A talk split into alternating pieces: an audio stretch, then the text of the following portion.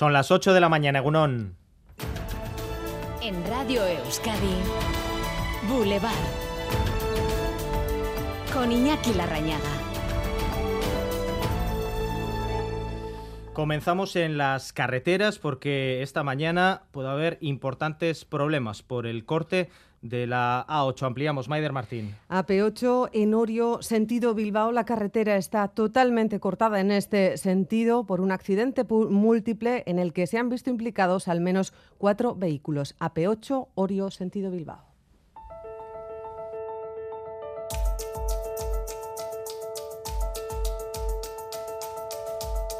8 de la mañana en Euskal Herria, 9 de la mañana en Kiev. Xavier García Ramsden, Dobri Ranok, buenos días.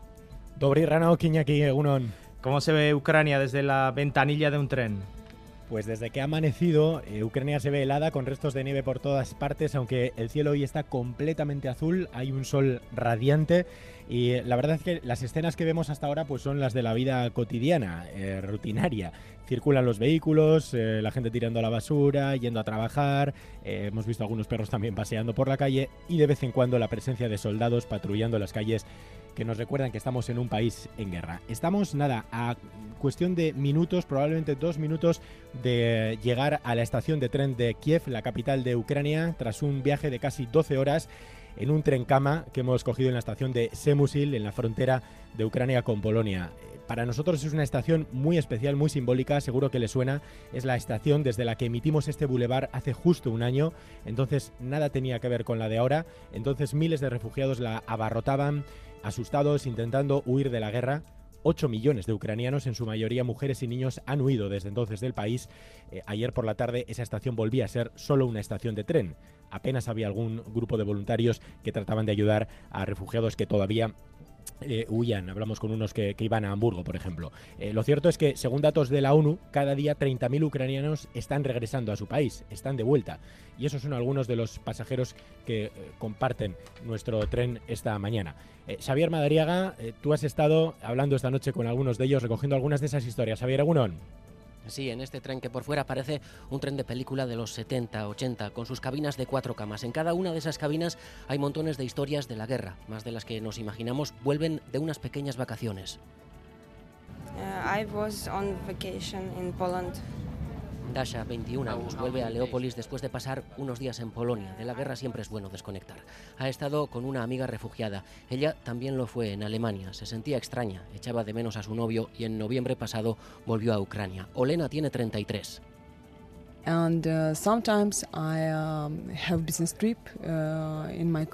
El suyo es un viaje de trabajo. Está refugiada en el Reino Unido. Allí tiene a su pequeña, que nació seis días antes de que estallara la guerra. Sueña con volver con toda la familia para quedarse. Yeah, I'm bringing my mom to London. She's got visa recently. Genia tiene 51 años, vive en Londres hace décadas. Al estallar la guerra se quiso llevar a sus padres, pero él estaba enfermo. Ahora que ha muerto, viene a por su madre. La mayoría son pasajeras, mujeres. Ellas pueden entrar y salir, salir más fácil. Aquí hay vagones de primera, de segunda. Las historias de la guerra las iguala todo. Se calcula que hay 8 millones de refugiados ucranianos en Europa. Quienes hacen este viaje a Kiev nos recuerdan, una vez dentro, no es tan crudo como parece desde fuera. Gracias, Javier Madariaga, en directo desde este mismo tren, desde otro compartimento. Eh, venimos a Ucrania para conocer esas historias, para volver a escuchar a la población ucraniana, eh, para conocer de primera mano una parte de las consecuencias de esta guerra que acabe como acabe, acabe cuando acabe, eh, va a configurar un nuevo orden mundial. ¿Cómo se presenta este aniversario? nos vamos a ese otro compartimento del tren con Dani Álvarez, jefe de informativos de Radio Euskadi. Dani Egunon. Bueno, Xavier, pues está a punto de cumplirse un año de esta guerra y la situación es más incierta que nunca. Primero, eh, creímos que iba a ser una operación relámpago de Rusia eh, que sometería a Ucrania en pocos días, pero no fue así. Luego pensamos que quizás una vía diplomática se impondría para evitar un conflicto largo, pero eso tampoco ha sucedido. Y también creímos que las consecuencias económicas de esta guerra harían que Europa se mostrase dividida y quizás comprensiva con Putin, pero la economía está dando muestras sorprendentes de la capacidad que tiene para convivir con una guerra y a la vez de que lo hagamos sin parte de los combustibles rusos. Así que más vale que evitemos hacer eh, predicciones porque todo es imprevisible. El hecho de que ambos bandos estén castigándose mutuamente nos dice que podríamos ir incluso a un conflicto largo. Es una guerra de artillería, una guerra como las del siglo pasado. Ucrania pide más armamento a Europa y a Estados Unidos y Rusia va a continuar mientras Putin no ceda. Y Putin ya ha dicho esta misma semana que no va a ceder. Hoy en Rusia se conmemora el Día de los Defensores de la Patria. Es un día de esos en los que a Putin se le hincha el pecho. No es casualidad de que fuera el día del inicio de la operación de ataque hace justo un año. Aquí, de hecho, la gente teme una nueva ofensiva a gran escala. Escuelas, universidades y empresas recomiendan hoy que se suspendan las clases o las reuniones presenciales, que nadie se mueva de casa por si acaso. Ahora bien, la pregunta es, ¿atacará de nuevo Rusia Kiev cuando esta semana hay un desfile constante de líderes internacionales? Hoy ese desfile va a continuar, de hecho acaba de llegar aquí el presidente del gobierno de España, Pedro Sánchez. Hay que insistir, cualquier predicción en esta guerra está destinada a ir a la papelera en cuestión de días. Y por cierto, de fondo asoma de nuevo China. China quiere ser el árbitro y mañana presentará una oferta de paz. Así que empiezan 48 horas llenas de simbolismo y diplomacia en un país prácticamente derruido, en Ucrania. Hace 30 segundos el tren ha parado, estamos ya en Kiev, estamos en la estación, vemos desde aquí una estación ahora mismo completamente vacía, acaba de pasar un tren en la dirección contraria azul con una franja amarilla, las banderas del país que, sí que las hemos visto también desde aquí, desde esta ventana. Eh, lo dicho, acabamos de llegar, puntualidad eh, casi británica con dos minutos de retraso tras un viaje de 12 horas, los trenes están funcionando por todo el país de maravilla, lo estamos comprobando y lo vamos a seguir eh, comprobando, visitando estos días partes del país y con ese bulevar especial desde Kiev eh, mañana en directo desde las 8 de la mañana. También les recuerdo, eh, viajan con nosotros en este tren África Paeta, Xavier Usabiaga, Edurne Arrieta, compañeros de Euskal Televista. Desde esta noche ya podrán ver eh, también conexiones con nuestros compañeros en los informativos Gauregún y Teleberry. Aquí seguimos en contacto. Un abrazo, sí, seguimos en contacto. Mañana, como decíamos, en directo, la guerra y sus historias, programa especial de Boulevard. Como acaba de adelantar también Dani Álvarez, la Moncloa ha confirmado que el presidente Pedro Sánchez se encuentra ya en Ucrania. Nerea Sarriegui. Sí, ha llegado hace escasos minutos, ha sido recibido por el viceministro ucraniano de Asuntos Exteriores, el embajador de Ucrania, en, de Ucrania en Madrid y el embajador de España en Ucrania. Lo ha anunciado él mismo en sus redes sociales con un mensaje en español y en ucraniano que dice estaremos al lado de Ucrania y de su gente hasta que la paz regrese a Europa. Esta es la segunda visita de Sánchez a Ucrania. La primera se produjo en abril del año pasado cuando la guerra cumplía dos meses y desde entonces España ha enviado material militar al país en 54 ocasiones. Hoy el presidente llega con una nueva promesa, seis tanques Leopard que esperan enviar antes de principios de abril. La Moncloa no ha ofrecido muchos detalles del viaje, visitará las ciudades de Bucha y el barrio de Irpin y participará en una ofrenda floral antes de volver a Kiev para reunirse con Volodymyr Zelensky. A mediodía ofrecerán juntos una rueda de prensa y por la tarde Sánchez pronunciará un discurso en el Parlamento ucraniano.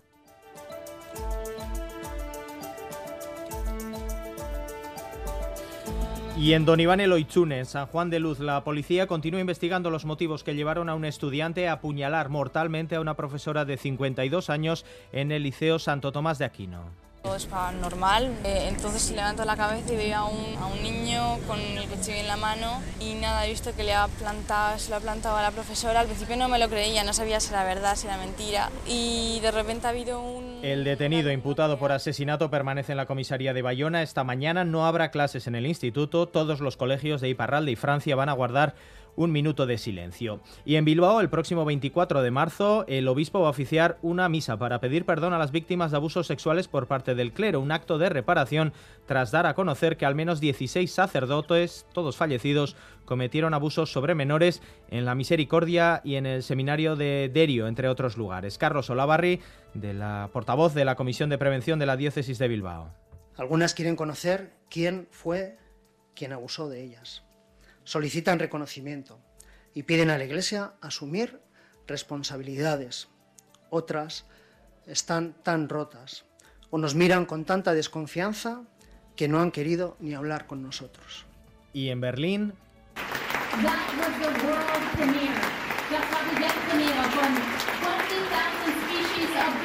Esta ovación de 10 minutos que la berlina le ofreció a 20.000 especies de abejas tras el estreno de la cinta en sección oficial, la ópera prima de Estivaliz Urresola. Ella, emocionada, la directora se expresaba así anoche en Cámara de Radio Euskadi. Ha sido tremendamente emocionante. La verdad es que ha sido un, breakdown, como un colapso eh, en el momento emocional, pues de por fin como también cerrar este ciclo ¿no? de, trabajo y compartirlo con el público es un momento tan ansiado, tan deseado y que encima se dé con este cariño que lo ha recibido la sala y ha sido tan bonito la proyección, bueno, ha sido muy emocionante. Ahora solo falta el premio. Y hoy Boulevard vuelve a las cárceles. Hemos estado de nuevo en el centro penitenciario de Álava, presentes en el entrenamiento que voluntarios de Gastedi Rugby Taldea coordinan con los presos. Sonia Hernando Egunon. Egunon, sí, cada miércoles a las 6 de la tarde, Alasne, la entrenadora del Gastedi Club, junto a varios jugadores del primer equipo, acuden a la prisión. Allí en una cancha les esperan varios internos. Un equipo mixto que lo da todo. Los internos solo tienen agradecimiento hacia estos voluntarios que acuden semanalmente a entrenar con ellos. La verdad, mil gracias a ellos por su tiempo, por su dedicación hacia nosotros. Es una forma más de distraernos, de, poder hablarnos entre nosotros, conocernos mejor y poder ver y tener una visión para adelante para cuando salgamos. No creía salir con tantos amigos, pero parece que voy a salir con más amigos de la cuenta. sí, sí, bien, bien, todo bien. Este deporte aparentemente brusco, pero con unos valores muy sólidos de compañerismo y solidaridad que para los presos y presas de este centro penitenciario está siendo más que un descubrimiento.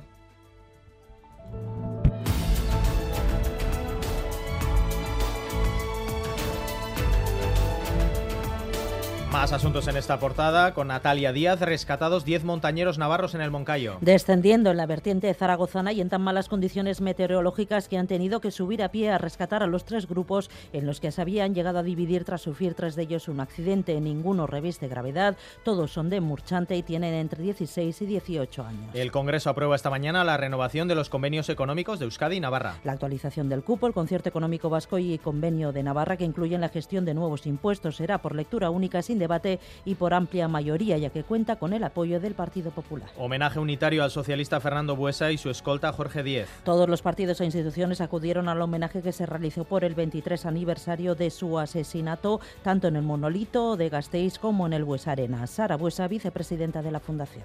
Sueño con una comunidad vasca que afronte su historia, se miren las víctimas y se haga consciente del dolor y el sufrimiento causados por el terror una comunidad integradora que tenga en cuenta a todas las personas para construir un proyecto de país y de convivencia. El Carrequín Podemos pide al Ayuntamiento de Guecho que denuncie la actuación de la Ertzaintza contra la demolición de la Nagusi en Echea. Lo defenderá al mediodía en el Pleno a través de una moción apoyada por EH Bildu. Pide que el Ayuntamiento denuncie públicamente los incidentes contra la demolición y que el Gobierno vasco abra un expediente por la actuación de la Ertzaintza. Y en Iruña reabre la pasarela de Labrit tras casi siete años en obras. Siete largos años en que se han retirado toneladas de acero y soldaduras irregulares que han exigido un coste de casi un millón y medio de euros y sobre todo una espera interminable para poder volver a transitar por los 73 metros de pasarela. La guerra de Ucrania no va a acabar hasta que se retiren las tropas rusas. Es una de las advertencias que va a realizar en Euskal Televista el portavoz del Parlamento Europeo. Jaume Adu, que realiza una clarificadora radiografía de la situación en una entrevista que íntegramente podrá podrán ver en el programa 12 minutos tras el Telever. Remarca, por ejemplo, que la guerra será larga y no finalizará hasta que Putin asuma que se ha metido en un callejón sin salida. La guerra lamentablemente parece que va a ser larga porque no da la impresión de que, de que Putin o de que el Kremlin hayan entendido que se han metido ah, en, un, en, un, camino sin salida. Esta guerra, si tiene que acabar de una manera justa, solo puede acabar con la retirada total de las tropas invasoras, de las tropas eh, rusas que están en un territorio eh, que no les corresponde. 8 y 13 minutos de la mañana, Deportes, Álvaro Fernández Cadierno, Egunón. Hola Egunón, Ike Ribarría va a disputar su último partido como profesional el sábado 4 de marzo en Donostia, en el Latano. Lo hará con Zabaleta de zaguero y ante Altuna y Martija. Además, marcadores de las últimas horas, Balomano, La Calzada 23, Veravera 35 y en la Champions Inter 1, Porto 0, Leipzig 1, City 1. Boulevard. Lural de Bus nos ofrece la información del tiempo. Lural de Bus, a donde vayas, vamos contigo. Euskalmet, Maya Leniza, Egunon. Egunon, hoy esperamos un día muy lluvioso y frío. Está lloviendo de forma generalizada y continuará así durante todo el día, con la cota de nieve en torno a los 500-700 metros. Sobre todo en la vertiente cantábrica puede llover sin parar. Las lluvias serán abundantes y también se puede dar alguna tormenta. Además, hoy notaremos una importante bajada de las temperaturas. Las temperaturas máximas se quedarán en torno a los 5-9 grados y el viento que sobrará del norte acentuará la sensación de frío. Es decir, hoy el día será invernal y estará marcado por las precipitaciones. 8 grados en Bayona es la máxima, 7 en Donostia y en Bilbao, 6 en Tudela, 5 grados en Durango, también 5 en Beasain, 2 en Iruña, 1 grado en Agurain y el termómetro marca 0 grados en Vitoria-Gasteiz.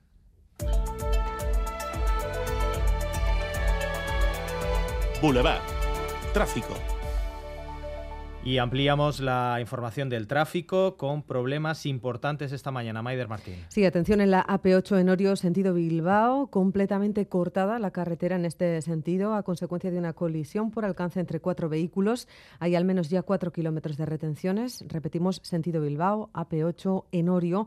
Y de ello también nos alertan en el 688-840-840 algunos oyentes algunas retenciones importantes en la 8, dirección Bilbao, a la altura de, bueno, antes de llegar a Orio y al peaje de Zarauz. Eh, llevamos bastante tiempo parados y acaba de pasar una ambulancia con lo que habrá habido algún accidente. Pero retención es bastante importante. Eviten la zona en lo posible, opten por la N634 en Usurbil. En el lugar del accidente están ya todas las dotaciones de emergencias, grúas y bomberos. Los ocupantes de los vehículos han sido trasladados al hospital, en principio heridos leves. Los efectivos trabajan a esta hora por abrir un carril en este aparatoso accidente que, repetimos, ha obligado a cortar la AP8 sentido Bilbao a la altura de Orio. En la dirección técnica, Beatriz Leal y Yayo Mejón comenzamos. Turno de tarde en el hospital. Ocho horas me esperan. Voy a visitar a Laitona, a pasear juntos un ratito. Con las amigas al teatro, qué ganas tenía ya. Porque la vida vuelve y el transporte público es vida, en Lural de Bus, donde vayas, vamos contigo. Recupera los contenidos de Radio Euskadi en la web eitv.eus y en la app EITV Nayeran.